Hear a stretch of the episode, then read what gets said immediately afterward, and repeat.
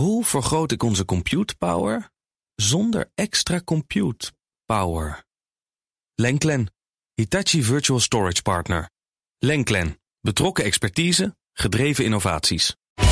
Tech Update. En dus dat Kopkerk naast ons. Connor, goedemorgen. Goedemorgen, Bas. Autoriteit Persoonsgegevens, de AP, deelt een flinke boete uit aan de site locatefamily.com. Wat is dat? Ja, dat is een, uh, een, gekke site eigenlijk. Ik had er nog nooit uh, van gehoord. Maar ze publiceren adresgegevens en zelfs telefoonnummers van een heleboel mensen. Dus vaak zonder dat uh, die mensen dat weten. De bedoeling schijnt te zijn dat je je familie, die, die je bijvoorbeeld uit het oog geraakt bent, terug zou kunnen vinden. Maar ja, dat mag dus natuurlijk echt, echt niet op deze manier. Dus ze moeten 525.000 euro betalen. Een extra probleem van die site is, ja, als je erop staat, dan is er eigenlijk helemaal geen makkelijke manier om je informatie weer te laten verwijderen. Want die site heeft geen vertegenwoordiger in de EU. En dat mag dus niet. Daar legt uh, de AP dus ook een boete voor op. En die is 520.000 euro. 525.000 uh, euro. Ja, een half miljoen. Nou, maar je zal er maar op staan op die lijst ja. bij, uh, bij locatefamily.com. Ja, kom je dus niet meer af. Nee. nee, ja, dan kun je volgens uh, de AP ook ineens bijvoorbeeld onverwachte bezoekers op de stoep hebben staan. Ja, hallo, is, ik ben tante Wil en ik kom even koffie drinken bij je. Ja, precies. Ja. Ik sta er niet op, uh, zag ik al even vluchtig. Maar ja, ik word op dat vlak, uh, net zoals de meeste ZZP'ers, uh, gewoon in het pak genaaid door de vrienden van de KVK.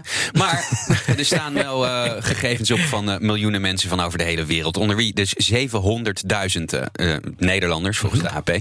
Um, die site die moet van de autoriteit nu ook een loket in de EU gaan openen. Sterker nog, dat hebben ze al. De AP communiceert altijd iets later met dit soort dingen. Hè. Dus um, ze hebben al een last onder dwangsom opgelegd vanaf 18 maart eigenlijk. Dan, op die datum moest er een uh, vertegenwoordiger in de EU zijn. Anders, uh, voor elke twee weken dat dat niet zo is, uh, komt er nog een keer 20.000 euro bij. Met een max van 120.000 euro. Mm. Dus reken maar uit, dat zou neerkomen op 645.000 euro in potentie. In totaal, de site heeft nog niet gecommuniceerd of ze dat nou gedaan hebben aan de AP. Dus dat moeten we nog even afwachten. Oké, okay. dan wie er ook flink in de buidel moet tasten, maar dan vrijwillig is YouTube. Ja, YouTube wil namelijk uh, beter concurreren met TikTok. Daarom hebben ze hun eigen dienst uh, met korte filmpjes gelanceerd, YouTube Shorts. En daar gaat het eigenlijk helemaal niet slecht mee. Um, mm. Volgens uh, de CEO in elk, elk geval, Sundar Pichai, die zegt dat er 6,5 miljard views per dag zijn daar nu. Dus valt natuurlijk totaal niet bij de grote broer YouTube, maar is nog steeds een heleboel. Maar dat niveau willen ze dus opkrikken en zullen betere content. Dus hebben ze een fonds opgericht van 100 miljoen dollar om daar makers uit te gaan betalen. Snapchat doet, doet dat bijvoorbeeld ook TikTok deelt ook geld uit. En ergens in uh, de komende maanden wordt volgens CNBC dat fonds gelanceerd. Kijk dan, en hoe maak je dan als YouTuber geld uh, aanspraak? Dus hoe kan je geld van ze krijgen? Ja, volgens YouTube moet je dan uh, unieke content maken waar uh, mensen heel vrolijk van worden. Dus lees die heel veel views uh, haalt. Ze gaan kijken naar de populairste shorts en daar gaan ze makers uh, actief ook van benaderen. Hoeveel geld je krijgt voor uh, een succesvol filmpje, dat zegt YouTube niet. En ook niet naar welke waarden ze precies gaan kijken. Dus of nou de views of de comments juist belangrijker zijn. Nee. Dat blijft allemaal een beetje onduidelijk. Ja. Oké, okay, dan hebben onderzoekers in Singapore een prachtige methode ontdekt. Ze hebben een vleesetend plant die ze aansturen met een smartphone.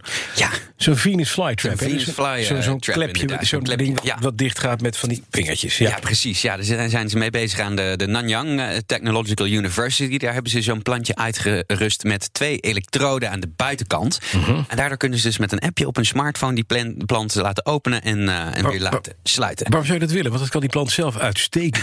op het moment dat er een vlieg in komt, gaat die dicht. Ja, precies. Nou, Reuters uh, schrijft er vanmorgen over. Waarom dat nou interessant is, is zo'n plant zou dus in theorie kunnen worden gebruikt als een soort soft robot. Dus als je nou dingen hebt die extreem precair zijn, waar je dus met bijvoorbeeld een metalen grijper niet bij kan, dan zou je hier uh, in theorie zou je daar zo'n plantje voor kunnen gebruiken, want die is veel voorzichtiger. En het zou ook nog, ook nog eens een soort, eigenlijk een soort eco-vriendelijkere uh, robot kunnen worden. Ja, mooi. Is dat eco-vriendelijk, een plant besturen? Ja, als het goed is, heeft hij er dus. Geen last ik zou het niet leuk vinden als plant. nee, misschien niet. Ja, planten die genereren volgens de onderzoekers net als mensen eigenlijk elektrische signalen. En uh, die kunnen ze opvangen. En met deze techniek, waarbij dus elektroden op zo'n plantje worden bevestigd. Dus ze noemen het non-invasief. Dus niet dat er uh, allemaal, allemaal, allemaal in die plant, in die plant worden, worden geprikt, geprikt maar ja. gewoon uh, eigenlijk twee stickertjes erop. Kunnen ze met die planten dus op een non-invasieve manier gaan communiceren. En ze werken ook aan een manier om um, de signalen die die plant teruggeeft, om die weer te gaan interpreteren. En daar wordt die helemaal interessant interessant. Dan zouden levende planten dus als een soort sensor kunnen worden gebruikt. Dus bijvoorbeeld Mhm. om de luchtkwaliteit te meten of eh, om giftige gassen eh, te kunnen detecteren. Dat zou misschien allemaal kunnen. En dan hebben we allemaal zo'n plantje ergens in de hoek staan. Ja. Dan begint hij te klepperen als, het, eh, Als er wat is. als er wat is. Als hij iets ruikt. Ja, precies. Daar, daar daar nog op. Dat is helemaal mooi. Als je ook nog kan. Ja, precies. Hè? Dankjewel, Connor. De BNR Tech Update wordt mede mogelijk gemaakt door Lenklen. Hoe vergroot ik onze compute power zonder extra compute power? Lenklen, Hitachi Virtual Storage Partner. Lenklen, betrokken expertise, gedreven innovaties.